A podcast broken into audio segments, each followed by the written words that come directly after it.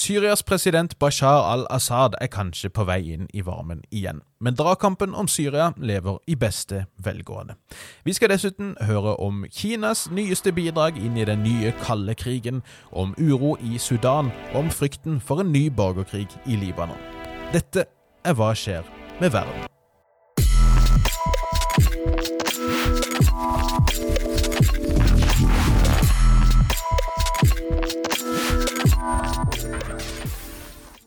Hei og hjertelig velkommen til en ny episode av podkasten Hva skjer med verden? Denne podden for deg som er interessert i det som rører på seg innen internasjonal politikk, krig og fred og alt det røret midt innimellom. Mitt navn det er Bjørnar Østby, og med meg har jeg min gode kollega og makker Nick Boranda. God mandags formiddag til deg, Nick. God mandag, Bjørnar. Vi har nå hatt nesten ei uke med ny regjering. Føler du at alt har blitt annerledes? Jeg har lyst til å si ja, men eh, nei. Hva med det? Nei, det Det eneste som kanskje kan nevnes, da, det er jo at vi nå er eh, i, i høyskolebransjen, holdt jeg på å si. Sektoren er prisgitt uh, Ola Borten Moe sitt uh, temperament og, og, hans dagsform. Så, så jeg er jo allerede nå forberedt på en tilværelse som ulvejeger. Jeg vet ikke hva, hva du ser for deg etter hvert som akademia kollapser her, Nick? Nei, altså Jeg prøver jo å være så pragmatisk som mulig i så mye som mulig. Og, og her tenker jeg at så lenge Borten Moe ikke ble olje- og energiminister, så, så, det, så, får egentlig vi i akademia ta den kula for laget. For planeten, for menneskeheten, for alle. Takk oss eh, på et senere tidspunkt. Vi, vi, kan kanskje skyte inn også. Ja, vær så god. Takk, Nufi. Ja, jeg, jeg, tenker jo at en liten nobelpris bør kunne komme litt lenger fram i tid. Til, til, oss eller Bortmo? Til akademia. Til akademia, Ja, det, det hadde jo vært vakkert. Eh, vi kan jo kanskje skyte inn også at eh, folk vet jo antageligvis, håper jeg, at vi arbeider på Bjørknes høgskole, men fra og med i morgen tirsdag så vil jo vi være kjent under et annet navn. Eh, verken Nick eller meg vet hva dette navnet blir for noe. Men når vi høres igjen neste uke, så arbeider vi altså ikke lenger på Bjørknes høgskole. Jeg har jo lansert forslaget Bjørnar høgskole for å gjøre det ganske billig med rebranding, men det tror jeg ikke har vunnet igjennom. Brandal School of Excellence har vel heller ikke dessverre kommet liksom til toppen av, av forslagene, men, men, vi venter i spenningen, ikke. Jeg har forstått at det er mitt foretrukne forslag, eh, Høgskolen i Oslo, som jo ble ledig etter at Kurt Rice eh, laga Oslo Met. Ja. Um, det, det har visst eh, fått litt juridisk problem, fordi Oslo Met fortsatt har visse rettigheter til Høgskolen i Oslo. Eh, jeg har hørt alternative forslag som at når vi allerede har Oslo Met, så må vi Oslo ha Oslo Crack. Oslo Speed er litt sånn fremoverlent. Det det er, mange alternativer, men det er ingen som, som hører på oss, dessverre. Eh, det har jo skjedd et og annet den siste uka også, og vi kan jo starte starte med å nevne generalsekretær i eh, Det er Fifa, er det ikke det? Gianni Infantino. Det er Fifa. Ja, um, det kan være lett å tenke på Fifa som egentlig et slags eh, diktatur, men, men, det er en organisasjon. Det er en organisasjon enn så lenge, og mannen i spissen der er en kar som heter Gianni Infantino, som jo er en ja, skal vi si tvilsom type, men eh, han har jo vært ute nå da og, og, lansert litt forskjellige forslag da han var på et besøk i Israel, og åpning av et nytt senter der. Dette senteret, Denne åpninga ble holdt på eh, Museet for toleranse i Jerusalem, som er bygd på ruinene fra den eldste muslimske gravlunden, så det er jo rimelig betent i seg sjøl, kan du si, og han var der på et eh, arrangement sammen med folk som Jared Kushner og um, tidligere amerikansk ambassadør til Israel, folk som er ganske tette på Trump, da. Og her så foreslo han at eh, Israel, sammen med noen andre nasjoner, burde samarbeide om å hoste fotball-VM i 2030. Da eh, forholdsvis mellom eh, Emiratene og Israel. Men ikke nok med det. Han mente at om, om noen år så bør vi også sikte på eh, en felles israelsk-palestinsk eh, Eh, arrangering da av eh, VM i, fotball. Så vi, vi, ønsker jo som vanlig lykke til med det. Og vi regner med at det norske landslaget allerede er i gang med å jobbe mot å, å, å klare å boikotte dette mesterskapet også. ja, det er et par kamper igjen, så det, det, vi, vi, får se om, om, de lykkes med den sedvanlige boikotten. Vi venter i, i, spenning. Men du Nick, du, du, har jo sansen for litt skal vi si, litt sånne obskure innslag også. Og her, her skal vi gi deg mikrofonen i, i et par minutter nå. Ja, dette kommer egentlig i sjangeren 'du tror det, f meg ikke'. Er, du tror det feler meg ikke, som vi Nei. sier på Sørlandet. Mm. Nei, det, det, kom da nyhet denne uka om at uh, den uh, ultraortodokse jødiske sekta Lev Tahor, som fritt oversatt betyr rene hjerte, har søkt om og er i ferd med å få asyl i Vent for det, vent på det Iran! Hei. altså, ja vel. Her, her, må vi kanskje spole litt tilbake og si litt mer om bakgrunnen for at dette skal bli litt mer forståelig. Yes, please eh, Lev Tahor-sekta ble altså grunnlagt i Jerusalem på 1980-tallet, og skal stå for en slags sånn pietistisk eh, jødedom kombinert med antisionisme. Altså De mener da at staten mm. Israel er eh, illegitim.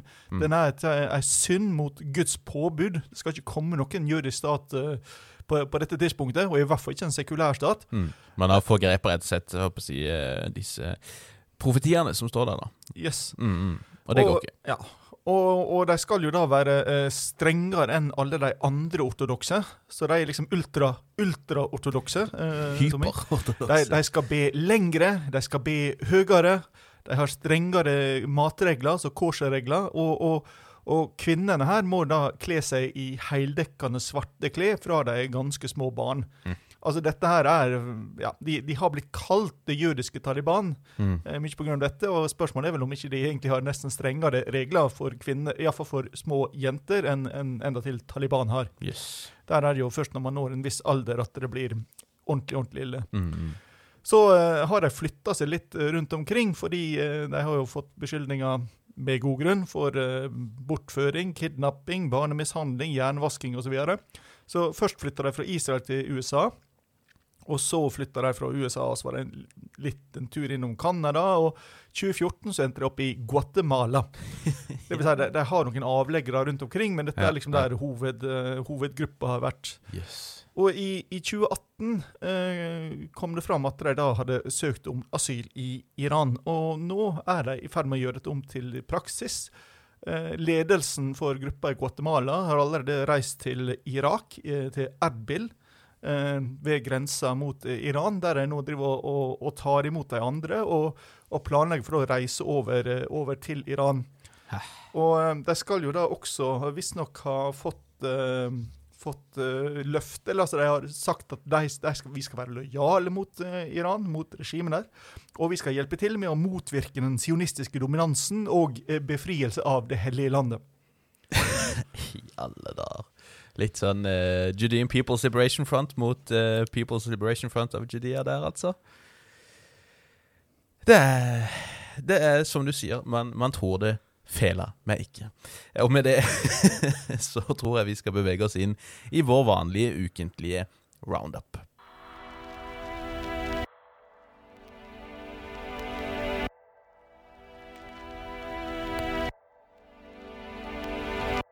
Og i tilfelle noen skulle tro eh, etter forrige ukes sending at vi nå skal satse på gladnyheter, nei, det skal vi ikke.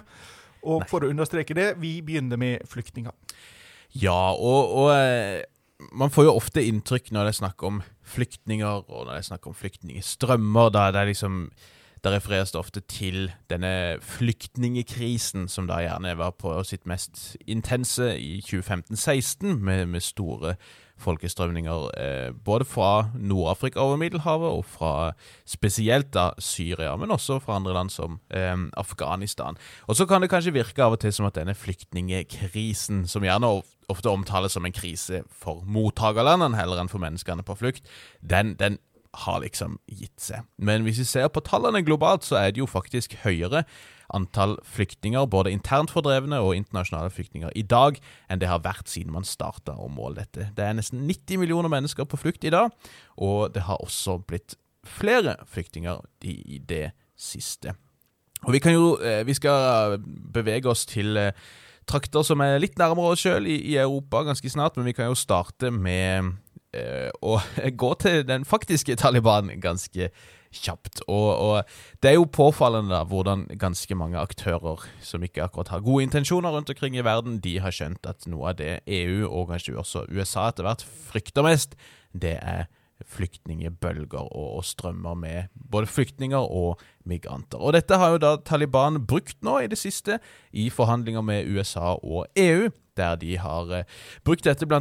for å argumentere for at eh, de mange sanksjonene mot Taliban må løftes, fordi hvis ikke så kommer eh, økonomien til å kollapse. altså Det er den langt på vei i ferd med å gjøre allerede, men, men det vil gjøre at et stort antall mennesker vil flykte fra Afghanistan, eller da bli, som Taliban sa sjøl, økonomiske migranter. Man vil jo gjerne ikke innrømme at folk har andre grunner til å ville dra fra Taliban, men om ikke USA og EU tar seg sammen der, så, så vil de sjøl måtte ta imot da et stort antall migranter og flyktninger fra Afghanistan. Så er det litt uklart hva som egentlig har kommet ut av disse samtalene mellom Taliban og utsendinger fra USA og EU. Taliban sier sjøl at de har en avtale på plass med USA om at USA skal forsyne Afghanistan med humanitær nødhjelp, eh, uten at USA med det anerkjenner Taliban som eh, rettmessige regenter i landet, mens USA egentlig ikke har, så vidt jeg har fått med meg, i hvert fall vært veldig tydelig på hva de egentlig har blitt enige om for noe. Men eh, det er tydelig at også Taliban, som Tyrkia har gjort, som Hviterussland har gjort, som mange andre har gjort, bruker trusselen med migranter og flyktninger som et slags eh, forhandlingskort i møte med vestlige aktører. Ja, og det er jo først og fremst i møte med EU vi snakker om. Mm. Eh, USA føler seg jo av naturlige grunner ikke like mye trua av eh, flyktninger fra Afghanistan eller fra Afrika. Nei. Der er det jo Latin-Amerika og Sør-Amerika som er en større trussel. Mm, mm, mm.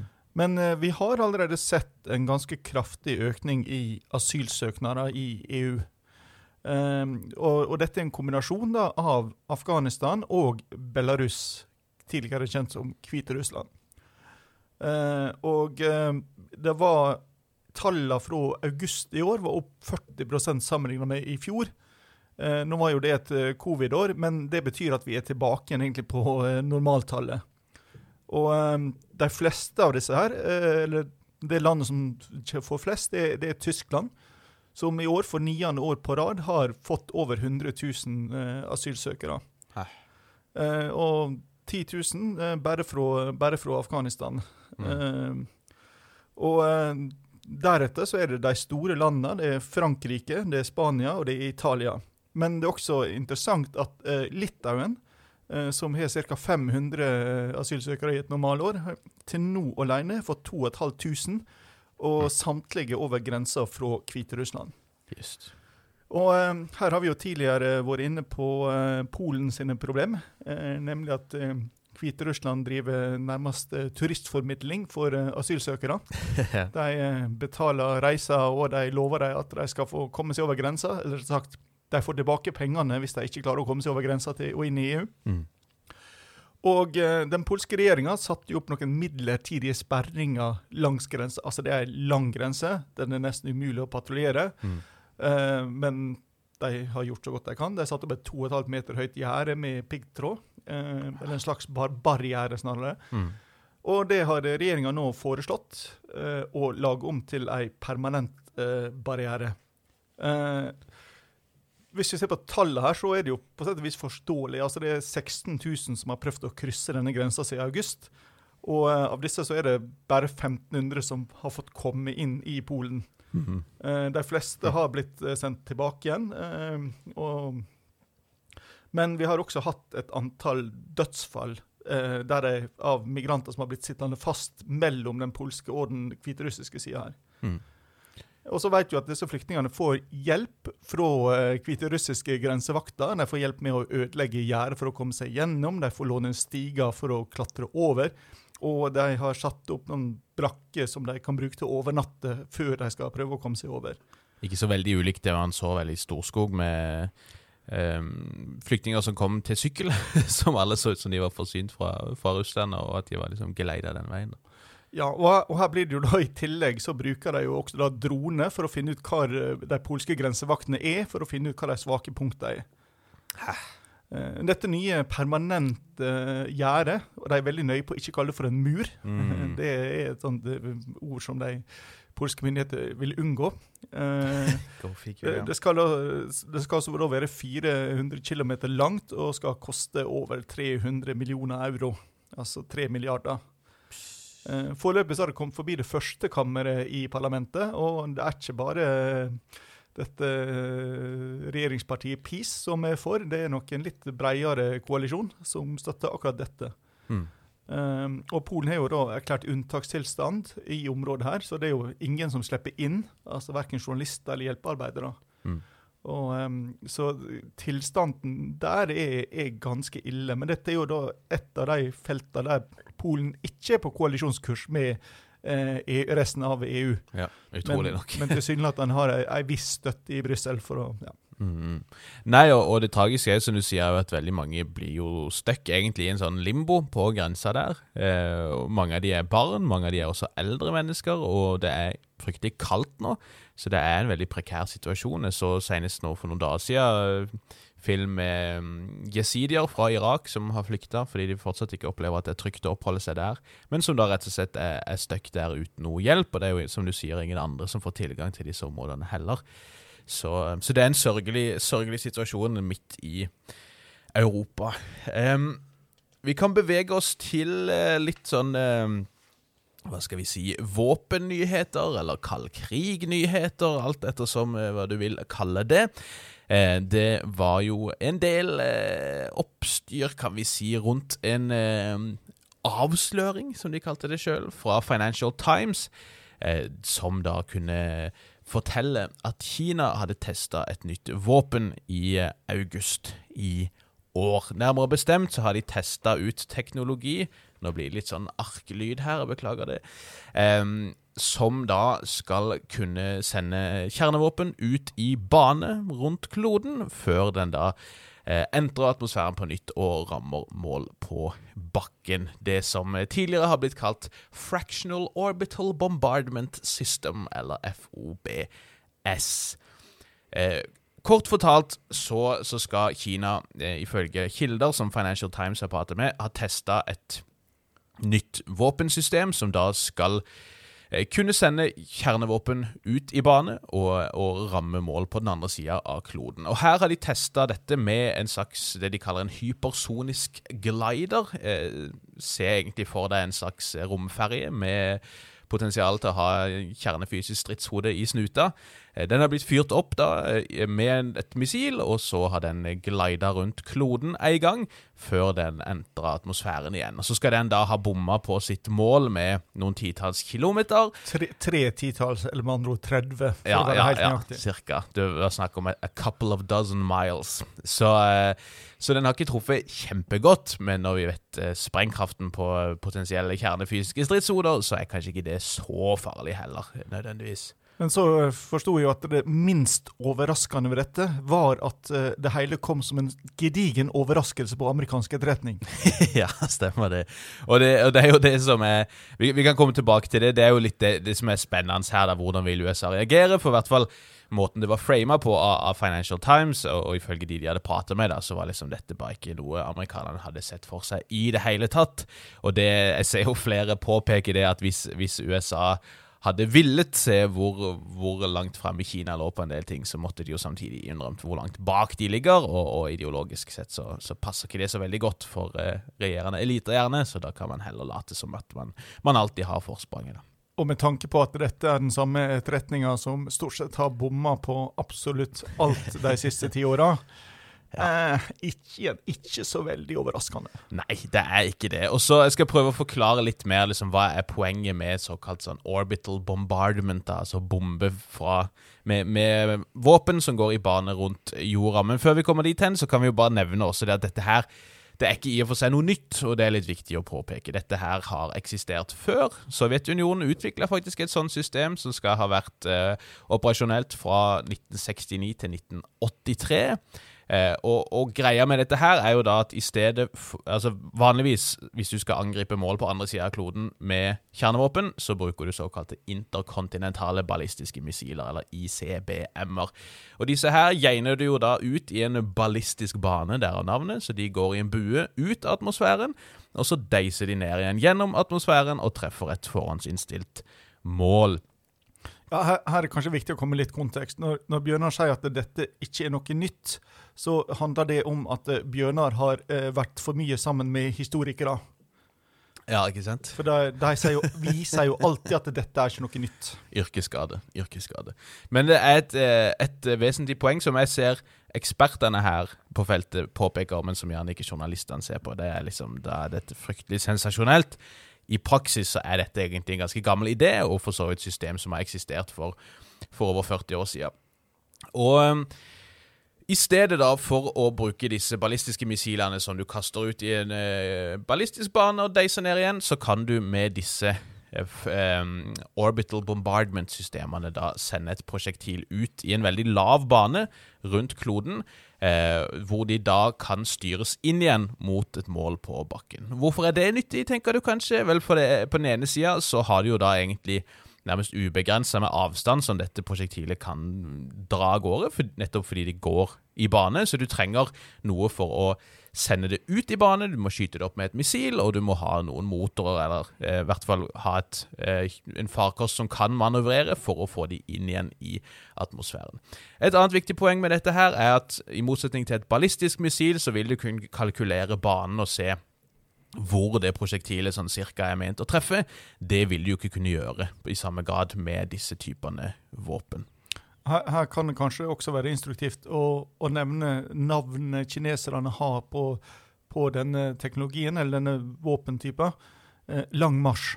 Mm. Altså De henspiller da på den lange marsjen som Mao sine kommunister gjennomførte før, eh, før, eh, for å komme unna nasjonalistene mm. eh, i mellomkrigstida, og, og, og kunne da til slutt uh, slå tilbake og ta makta i, i, Kina. Mm, mm.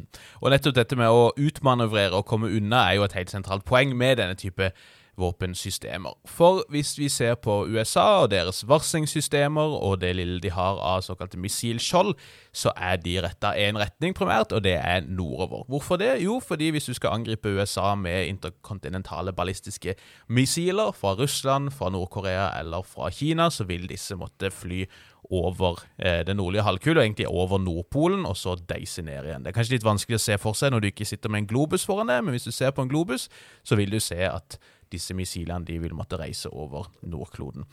Hvis du eh, Nordpolen, unnskyld, hvis du ønsker å utmanøvrere disse her, så er det jo da en god idé å gå motsatt vei, og det kan du gjøre med disse systemene som går i bane. Da kan du sende det over Sørpolen, og så få dette prosjektilet til å entre atmosfæren igjen og ramme mål fra den retninga.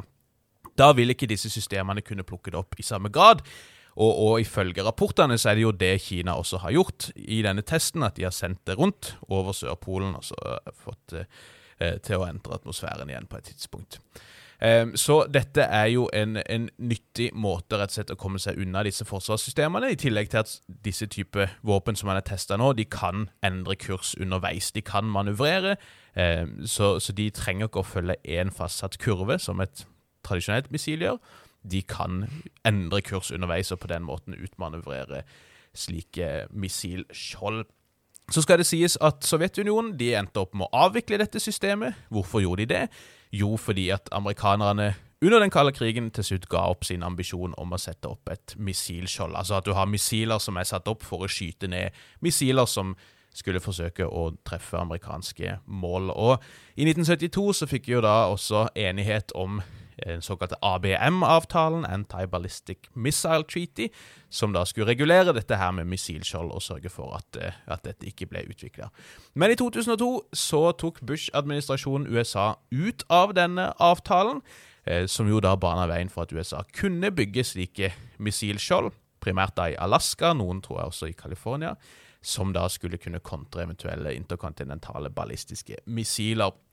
Kritikere av Bush-administrasjonen sin beslutning. De sa jo at dette her vil kunne sette i gang et nytt våpenkappløp, der USAs utfordrere vil prøve å finne måter å utmanøvrere disse systemene.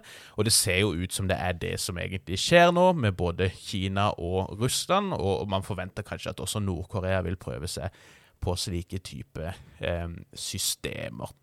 Sånn sett så, så vil jo en del Ekspertene på dette feltet sier at det er helt naturlig at disse utviklingene skjer, fordi alle som sitter med kjernevåpen, de streber jo etter å unngå et scenario hvor én part kan angripe en annen uten å få et angrep tilbake i fleisen. Eh, mye av logikken fra den kalde krigen handler om dette man kalte mutual assured destruction, en sånn terrorbalanse, der man sørger for at både USA og Sovjetunionen alltid hadde sjanse til å angripe, eller, eller, svare på et angrep, sånn at begge partene ble fullstendig knust, heller enn bare én av dem. Hvis du har et helt liksom, tett missilskjold, så kan du faktisk beskytte deg mot et angrep, og du kan ødelegge motparten uten å bli ødelagt selv.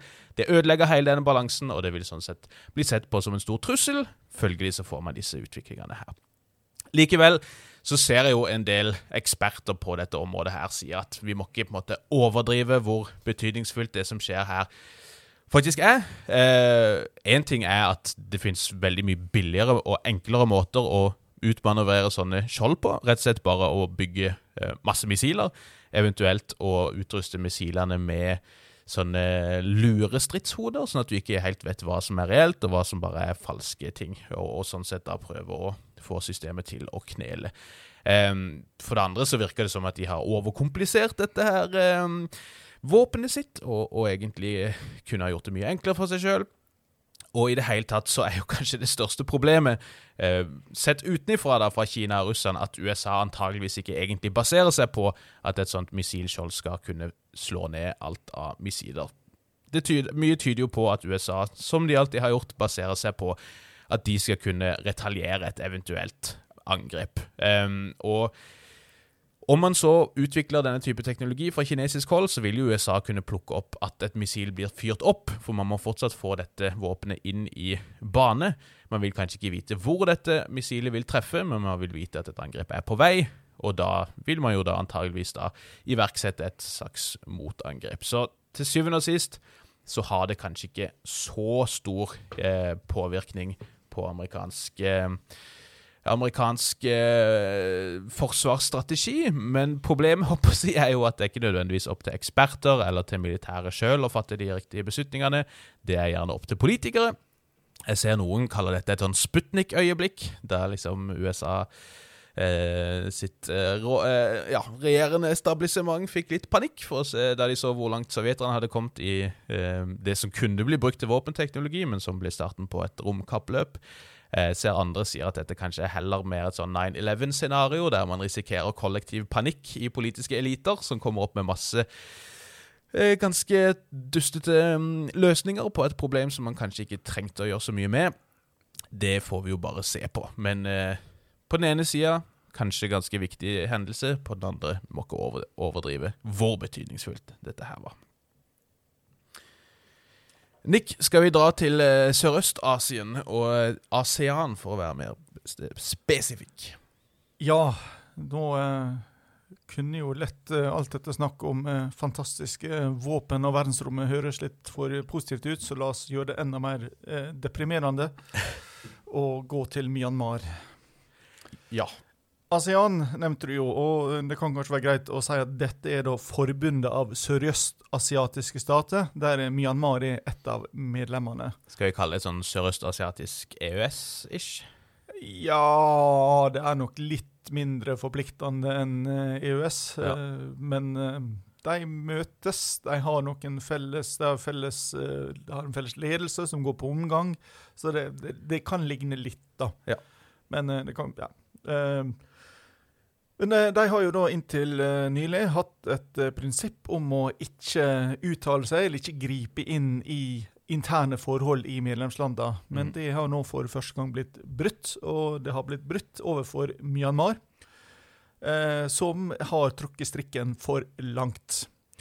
Eh, ASEAN kom nemlig med noen forslag til hvordan vi kan komme oss ut av dette militærdiktaturet og tilbake til et slags demokratisk regime som eh, også da Myanmar for så vidt var med på, men overhodet ikke har gjort noe som helst for å følge opp.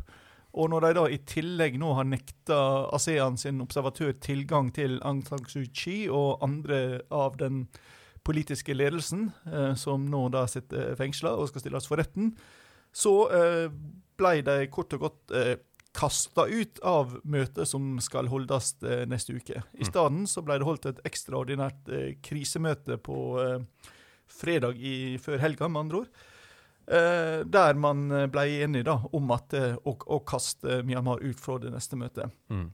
Um, og um, Det er jo fortsatt ikke sånn full enighet mellom disse landene om hvordan man skal forholde seg til Myanmar. Uh, og Problemet der er jo økende. Det er på vei mot borgerkrig.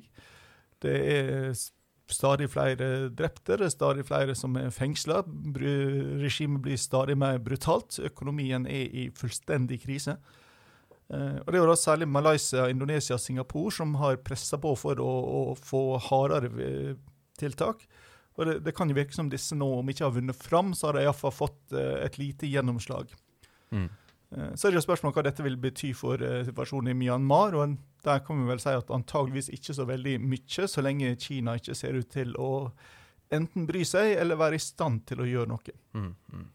Nei, og det er jo som du sier, det er jo påfallende dette, denne, denne kursendringa fra ASEAN. og Hvis du ser til ECOWAS, som er på en måte en lignende eh, type eh, organisasjon eller et samarbeid som er i Vest-Afrika, de er jo veldig raske til å fordømme eh, kupp og til å um, kicke ut medlemsland midlertidig eller lignende. Ikke det at det heller har hatt så stor påvirkning, men både der og i AU så ser vi jo at medlemsstater der det har vært kupp, suspenderes for en periode, i hvert fall. Så det at det også skjer her, det, det, viser jo kanskje om en, en, viss kursendring, men det viser jo også hvor skal si, tolerante man har vært for, for uh, innenrikspolitiske utviklinger i medlemslandene. Og som du sier, så er det jo en fryktelig alvorlig situasjon i Myanmar.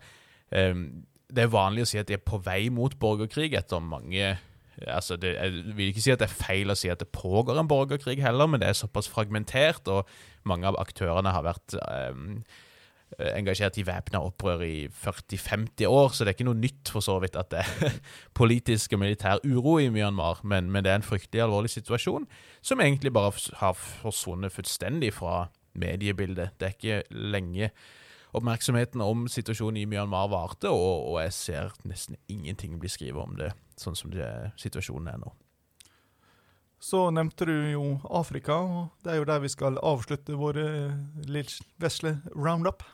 Ja, vi kan eh, ta en tur til eh, Sudan, hvor eh, man også står i en ganske skal ikke si kanskje prekær, men, men en ganske sånn skjør sikkerhetssituasjon der det er ganske uklart hva som blir det neste, for å si det sånn. Jeg tror vi nevnte for noen uker siden at interimstyret i Sudan hevda å ha avverga et kuppforsøk eh, fra angivelig da tidligere Eh, regimelojalister, altså til den forrige diktatoren, Omar al-Bashir.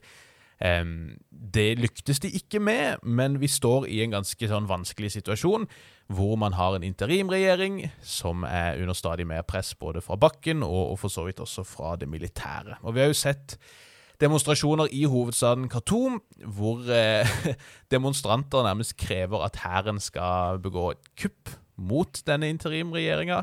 Og dette er ikke så ulikt kanskje det vi så i Mali i 2020.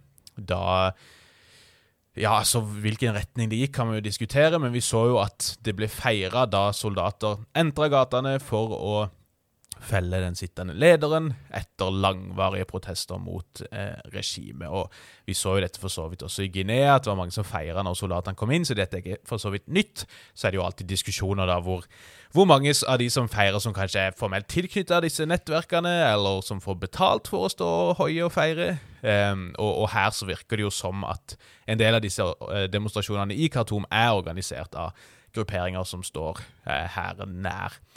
Eh, det har jo blitt en stadig mer tilspissa situasjon, kan jeg vel si, siden Omar al-Bashir ble avsatt i 2019. Da hadde vel han sittet med makta i nesten 30 år.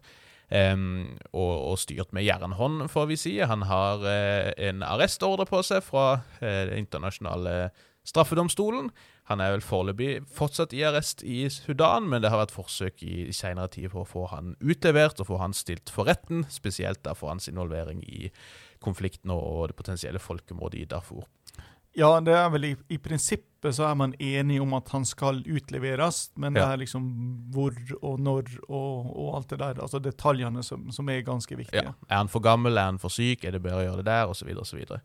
Men han ble da erstatta av en slags midlertidig samlingsregjering, som besto både av sivile og militære representanter, som skulle råde i en periode, før man da på en måte igjen skulle returnere til sivilt styre, ha valg osv. Og, så og her er det jo da økonomen Abdallah Hamdok som har leda denne regjeringa, men i økende grad så ser det ut som det er den tidligere hærsjefen i landet, Abdel Fattah al-Bohan, som, som, i praksis egentlig styrer showet her. Og Da har man jo egentlig en slags krise da, mellom sivile og, og militære delen av regjeringa, og, og ditto dragkamp også ellers i samfunnet. Ja, og Så kommer jo nå da stadig nye konflikter, både knytta til at uh, altså, Bashir sitt regime var jo på mange, også på sett og vis et militær, militært regime. og og det har vært krav om at uh, det må etterforske menneskerettighetsbrudd som Hæren har begått uh, opp igjennom, mm. som selvfølgelig hærledelsen ikke er så veldig happy for. Ja. Og så har jo uh, Sudan de samme problemene som alle andre land har nå med forsyningskjeder osv. Og, så og det er, det er rett og slett mangel på veldig mye. Det er høy prisvekst, og, og det er i det store hele økonomiske problem. Mm. Og Det er frykt nå for at uh, det kan bli mangel på både drivstoff og medisin i løpet av ganske kort tid. Mm. Og, og, dette henger jo sammen Og dette er egentlig kobla kanskje inn i denne her uh, protestene som Hæren står bak mot, uh, mot regjeringa. for en, en, del av dette handler om at havna i Port Sudan er blokkert mm. av det etniske Bedsha-folket. Men visstnok så skal det da, iallfall ifølge rykter eller ifølge opposisjonen, være hæren som står bak denne eh, blokaden også. Mm, mm. Så det er i det hele tatt en veldig urolig situasjon, og, og både i Sudan og i dens nabo i Sør-Sudan så har vi jo sett at eh, selv om man har fått på plass avtaler med forskjellige opprørsgrupper, så, så har ikke det nødvendigvis gjort at konfliktene har eh, eh, kommet til en slutt, og ofte så har de fortsatt. Av og til har de starta på nytt med høyere intensitet. Eh, det har vært mye problemer for eh, eh altså i, i uh, sørvest i Darfur fortsatt med væpna grupper etter eh, FN sin styrke trakk seg ut derfra. Så det er, det er mange altså Nokså likt som Sør-Sudan og som Etiopia og andre land i, i, regionen, så har du mange konflikter i periferien av landet kombinert da med også en dragkamp om hvem som skal styre sentralt. Um, så det gjør jo at uh, jeg ser jo mange områdeeksperter er veldig bekymra for situasjonen nå, og det er litt sånn sliding doors-øyeblikk, håper jeg å si. Man kan komme seg helskinna ut av dette her, og, og, kanskje komme desto sterkere ut av dette her på veien mot en, en mer velfungerende demokratisk stat. Eller man kan ende opp med ny runde med eh, konflikter eller med regelrett militært diktatur. Så Sudan bør dere alle følge med på. Det skal vi også gjøre. Og så tror jeg vi skal bevege oss inn i vår siste lille temabit,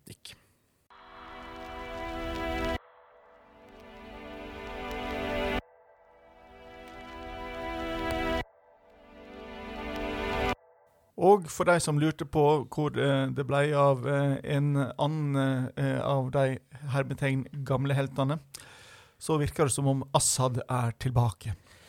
Ja, vi skal eh, i vår lille temabit snakke mest om Syria, litt om, om Libanon. Eh, kanskje ta, kalle det en liten sånn levant-bit, dette gamle franske ordet som skulle betegne hva er det Syria, Libanon og Jordan, tror jeg. Um, og Vi kan starte med Syria, og vi kan starte med nettopp Bashar al-Assad, som har regjert i Syria siden uh, 2000, etter hans far Hafez al-Assad døde.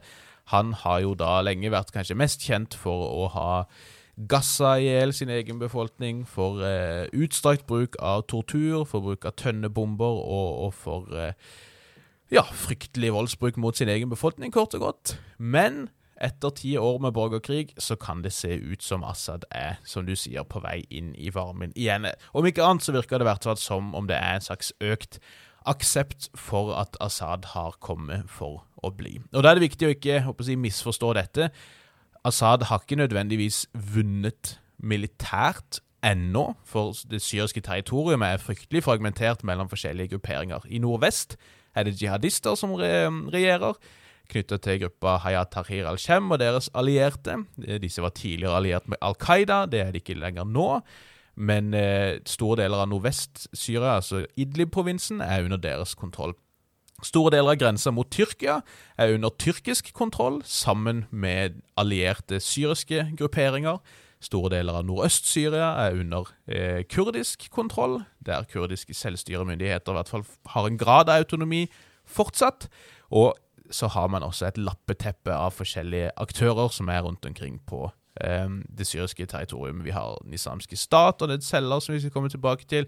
Vi har et stort utvalg pro shia- eller pro-iranske militser, med både libanesere, iranere, eh, leiesoldater, holdt på å si, og folk som har blitt tvangsrekruttert, nærmest fra Pakistan og Afghanistan. Vi har russiske eh, håper å si, offisielle soldater og leiesoldater, amerikanske styrker osv. Så, videre, så territoriell kontroll har ikke Assad, men han har nok langt på vei vunnet politisk, om du vil, denne konflikten. Og det er ting som tyder på at regionen rundt også begynner å innse dette. I senere tid så har f.eks. Libanon og myndighetene der vært i kontakt med Assad og bedt om hjelp. Eh, mye pga. denne krisa man har med, med, rett og slett mangel på, på strøm. Eh, så det er bare noen uker siden store tankbiler kryssa grensa fra Syria inn i Libanon for å komme med drivstoff til eh, aggregater og generatorer for å få litt gang på ting igjen. Det har ikke lyktes veldig, og det kommer jo ut noen ganske vanvittige filmer der Antageligvis Hezbollah-medlemmene sto og feira verre da disse tankbilene kom, og feira da med å skyte eh, og bruke sånne RPG-er, altså rakettdrevne granater, og fyrte av gårde med det i lufta rett inntil smekkfulle oljetankere. Ikke en kjempegod idé der, altså, men, eh, men, dette blir jo sett nærmest som en slags seier for Assad, der Syria har vært mye mer prisgitt at, hvordan det har gått i Libanon enn en motsatt i senere tid. Syrias finansminister skal også ha hatt noen eh, sånn uformelle samtaler med sin motpart i Emiratene for en liten tid tilbake. Vi ser at USA virker å støtte opp om planene for å gjenopplive en, en sånn gassledning som har gått gjennom Syria, i tillegg til at Assad også har hatt sin første telefonsamtale med kong Abdullah 2. av Jordan på ca. ti år. Så det er ting regionalt som kanskje tyder på at, at man nå nærmest er tvunget til å innse at, at Assad har kommet for å bli, rett og slett. Men det skjer mange andre ting i Syria og rundt Syria også. Eh, og FN har jo vært med på å sette opp den såkalte syriske grunnlovskomiteen i 2019, hvis mandatet er nettopp å, å jobbe med en eh, ny og si, reformert grunnlov i Syria. Denne komiteen eh, består av 150 medlemmer, der 50 er fra regimet, 50 er fra opposisjonen og 50 er utnevnt av sivilsamfunnet. Og Sammen så har disse utnevnt en såkalt small body, som består av 45 medlemmer, med da 15 fra hver av disse gruppene. Og denne er nå i gang med et utkast til en ny grunnlov. Det sier norske veterandiplomaten Geir O. Pedersen, som faktisk leder dette arbeidet i Genéve. Man har prøvd gjentatte ganger på å, starte denne prosessen og ikke lyktes, men nå sier man at man faktisk er i gang med en sånn drafting-prosess. Så, så får vi se hvor det leder hen. Vi nevnte så vidt IS, Nick, og eh, det var en eh, artikkel nylig i The Guardian der journalister hadde prata med kurdiske styrker i Syria, da tilknytta den Syrian Democratic Forces, som, der det er primært kurdere, eh, en gruppe som har blitt støtta tett av USA de siste årene. Og der disse kurdiske styrkene advarte om at IS behandla si, sitt tilsynelatende nederlag som a lull, not a loss. De har altså ikke eh, lagt seg ned på ryggen og, og, innsett at de har tapt. De har behandla dette som en midlertidig pause, om du vil, og, og, nå advarte disse kurdiske styrkene om at IS er i ferd med å gjenetablere seg i en del av deres gamle kjerneområder. Det er da gjerne langs Eufrat-elva, som går si, gjennom Syria og inn i Irak.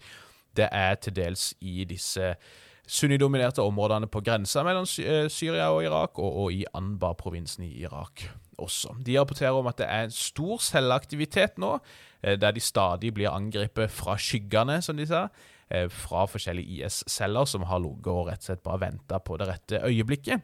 Og det rette øyeblikket ser ut som det kommer oftere og oftere i det siste. Det var også utbredt frustrasjon tilsynelatende over at det nå har vært en rekke amerikanske luftangrep som ikke har vært koordinert med kurdiske styrker. Dette har jo vært et tett samarbeid de siste årene, også håper jeg, etter at IS ble territorielt beseira. Eh, men i økende grad nå høres det ut som amerikanerne selv utfører angrep uten å konsultere med lokale styrker. Og Det er jo kanskje bare enda et innslag egentlig i det vi har sett med Biden-administrasjonen, med en del skal vi si, ganske sånn uh, unilaterale handlinger, der man i hvert fall ikke koordinerer veldig tett med allierte på forhånd. Hvorvidt det er denne AUKUS-samarbeidet, uh, hvorvidt det er Afghanistan, eller i dette tilfellet da med luftangrep som man ikke koordinerer med lokale partnere.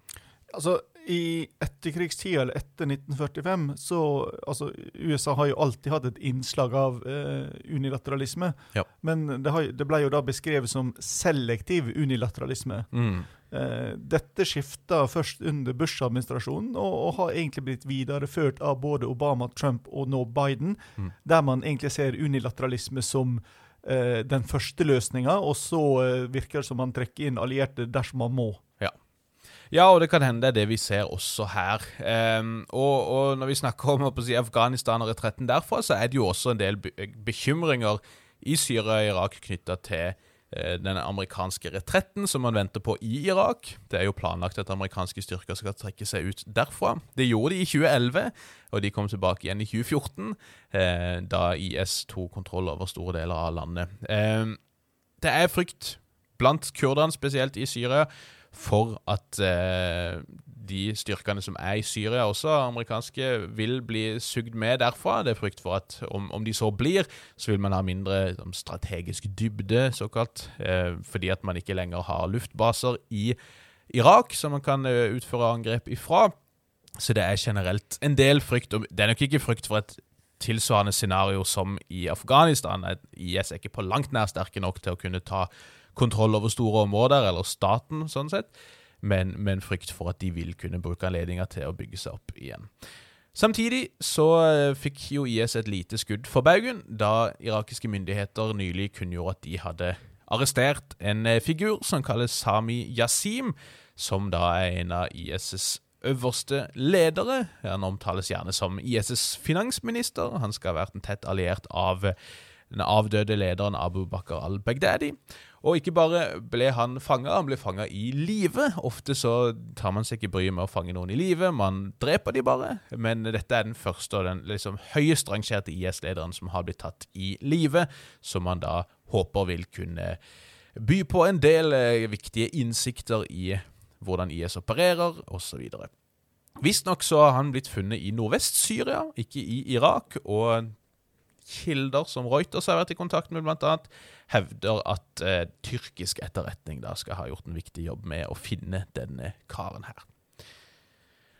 Og for å gjøre det desto mer komplisert, Nick, og vi er ikke engang halvveis i det kompliserte bildet som er Syria, så har vi jo også denne dragkampen mellom Israel og Iran i Syria, der Israel veldig lenge har vært tydelig på at de ikke er interessert i at Iran skal få noe særlig fotfeste i Syria, og spesielt ikke i nærheten av Israels grenser, ettersom Israel, altså israelske myndigheter gjerne da ser på Iran som en slags eksistensiell trussel mot Israel. Og Sist uke så var det overskrifter i internasjonale medier som lurte på om denne feiden mellom Israel og Iran i Syria har eh, gått inn i en slags ny fase. For eh, sist uke så kom det rapporter om at en eh, mann kalt Midhat Saleh, som er, var en syrisk druser, såkalt, tilhørte den drus, drusergruppen, eh, han hadde blitt skutt og drept eh, i nærheten av grensa eh, til Israel, med Golanhøyden. da, eh, Angivelig av en israelsk skarpskytter på Golanhøyden høyden. Nå Bjørnar, skal du fortelle meg hva forskjellen på en snikskytter og en skarpskytter er? Ja, det er vel egentlig eh, en snikskytter, kanskje jeg mener. Jeg hadde lyst til å skrive sniper, men jeg tenkte vi prøver å snakke norsk. jeg, jeg, er det en og samme ting? Jeg, jeg, tror Hvis du er på den sida som skyter, så er det en skarpskytter. Hvis du er på den sida som blir skutt, så er det en snikskytter. Riktig. ja. Så, så, her snakker vi jo egentlig om begge deler. da. Det er bra det du passer på. Um, ifølge lokalet i den landsbyen som han oppholdt seg, på grensa til Golan, så var Midhat Saleh en lokal administrator tilknyttet den syriske stat, som hadde til ansvar egentlig bare å overse grensa på Golanhøyden mot eh, israelske områder som Israel da annekterte fra Syria i 1967. Um, men militære kommentatorer i Israel påstår at Saleh var en eh, viktig kar som handla på iranske ordre, og som jobba tett med Iran for å, å si, eh, styrke Irans tilstedeværelse langs Israels grense. Israelske myndigheter og Forsvaret sjøl har ikke uttalt seg no, eh, om noe ennå, men jeg ser jo flere påpeke at disse militære kommentatorene i Israel ofte har grei innsikt i hva som foregår, og der er i hvert fall narrativet at denne mannen som ble drept, han jobba for Iran. Og dette omtales jo som sagt som en mulig ny fase. Hvorfor gjør det det? Jo, fordi primært så har eh, Israel tydd til luftangrep når de ønsker å kontre både den syriske staten og eh, pro-iranske aktører. Og Det har vi sett også de siste ukene, med, med en serie angrep mot påstått pro-iranske mål. Eh, både i grensetraktene mellom Syria og Irak, og nokså sånn sentralt i eh, Syria, i Palmyra. Der med disse herne ganske kjente ruinene som folk kanskje har eh, sett. Der er det både russiske styrker og en rekke pro-iranske styrker. Noen av de er iranere, noen av de er syrere, noen av de er libanesere. Men disse har blitt utsatt for flere angrep. Og jeg ser jo noen israelske kommentatorer også da spekulerer i om, om dette her eh, både Dette at angrepene foregår der de foregår, kanskje tyder på at Iran egentlig har fått litt trøbbel med sitt Syria-prosjekt. For vanligvis så har jo iranske styrker vært konsentrert lenger vest, bl.a. i en flyplass ved Damaskus. Men nå ryktes det da at Russland har sagt eh, til Iran, som en annen av den syriske statens tette allierte, at iranerne må flytte på seg, komme seg vekk fra disse områdene nærmest Israel, for å ikke ødelegge Russlands forhold til Israel, som da kanskje er grunnen til at disse styrkene i større grad er konsentrert på landsbygda og i grenseområdene. Og eh, når vi har vært innom Russland, den eh, ene viktige spilleren her, så kan vi jo eh, kanskje gå ut fra at den andre viktige spilleren, Erdogan, også er involvert? Ja, eh, vi har snakka om mange forskjellige aktører, eh, og Tyrkia er jo også en av de eh, som har vært veldig innflytelsesrike, får vi si, når det kommer til hva som har skjedd i Syria de siste årene. Og nå har Erdogan og, og andre tyrkiske ledere vært ute og egentlig advart om at det nå er nok en ny tyrkisk eh, Ja, vi ville vel formelt kalt det invasjon, men de vil gjerne kalle det en operasjon, da, som er på gang. Nok en ny tyrkisk operasjon over den syriske grensa og inn på syrisk territorium. Dette har skjedd gjentatte ganger før.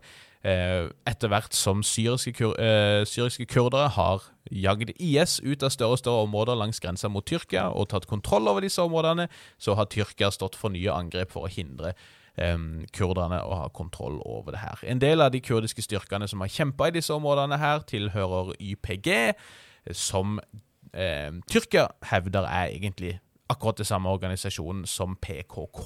PKK er en kurdisk milits- og terrororganisasjon, omtales de som, som har vært i krig med Tyrkia i mangfoldige år. Konflikt som har tatt titalls tusen liv.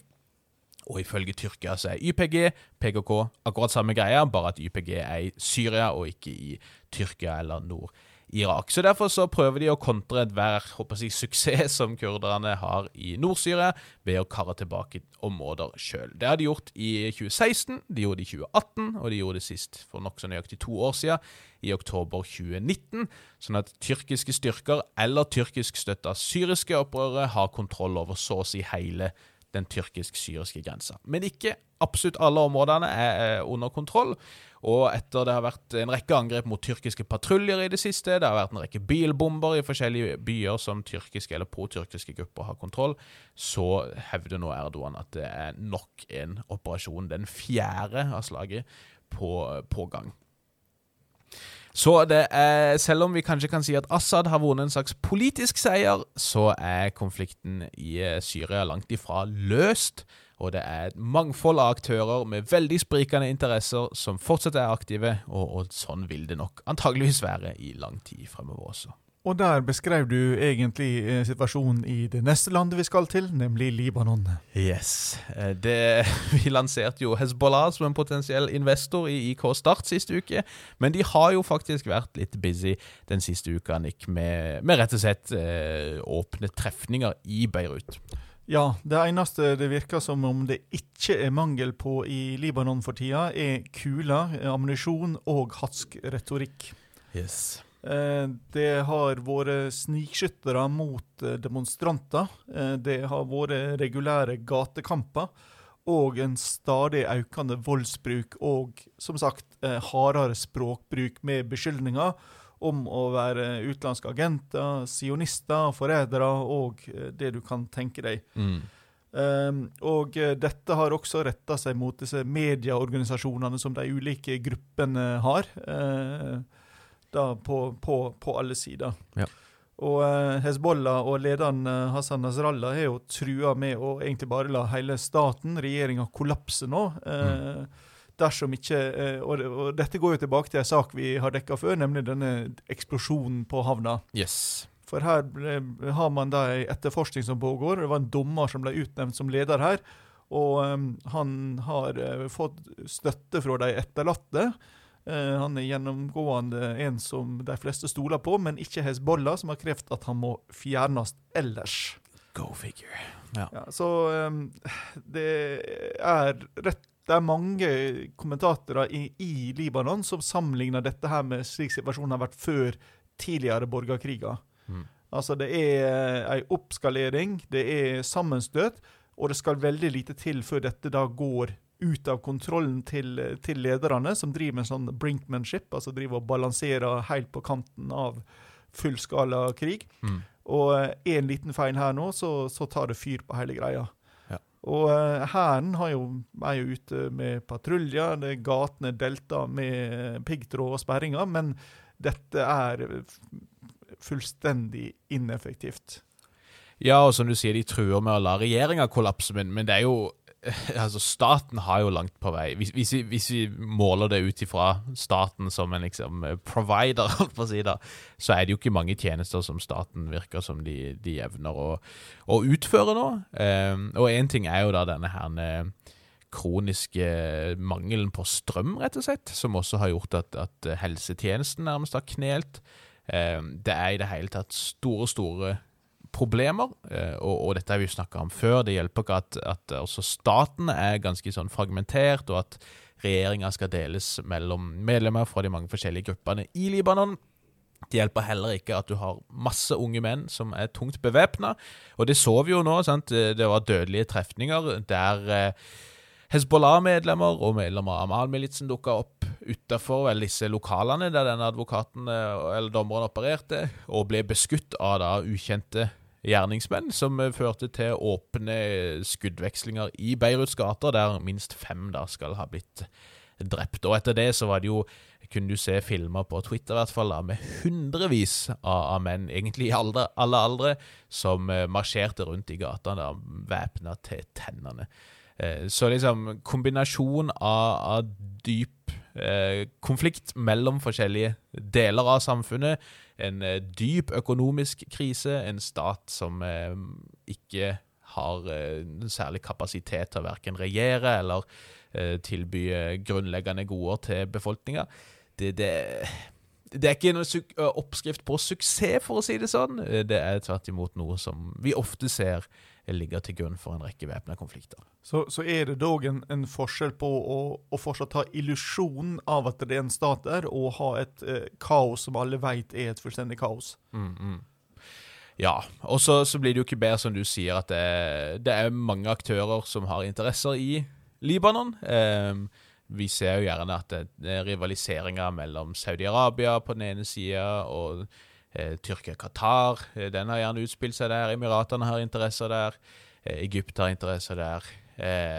Israel er nok ganske happy med et Libanon som ikke er kjempestabilt, skulle en tro. Eller i hvert fall med et Hezbollah som er busy med egne problemer hjemme, heller enn å ha overskudd til å plage Israel. Men ja, det er et, det er et rør, rett og slett, Nick. Ja, det er vel strengt tatt bare to mulige løsninger ut av dette. Og det er jo at eh, Libanon enten må få eh, OL eller fotball-VM. helt, helt, riktig. Handshake for peace. Vi, vi nominerer Jan Åge Fjørtoft som Norges uh, spesialutsending til Libanon, og, og, satser på at alt løser seg greit. Tror ikke det. Vi har eh, snakka mer enn nok eh, fæle greier i dag, Nick, så jeg tror vi, eh, vi gir oss der. Vi har ikke snakka om Etiopia, men vi kommer til å spille inn en episode om noen uker, antageligvis, med Kjetil Tronvold om ett år med krig i Etiopia, der vi kan gå litt sånn grundigere til verks, i stedet for at det bare blir masse smådrypp. Så vi, vi kommer tilbake til Etiopia, altså, for de som har savna det. Og så lover vi at neste uke eh, så skal vi ha en spektakulær eh, lansering av eh, podkasten etter at høgskolen har fått det nye navnet ikke fullt så som, eh, spektakulær som høgskolens navnelansering, som skal skje på fredag. Men eh, følg med. Følg med, følg med. Vi sier eh, takk for følget, som vanlig. Det er hyggelig at eh, dere eh, tåler oss og følger oss. Det liker vi. Takk til deg, Nick. Sjøl takk, Bjørnar. Takk skal dere alle ha. Vi snakkes.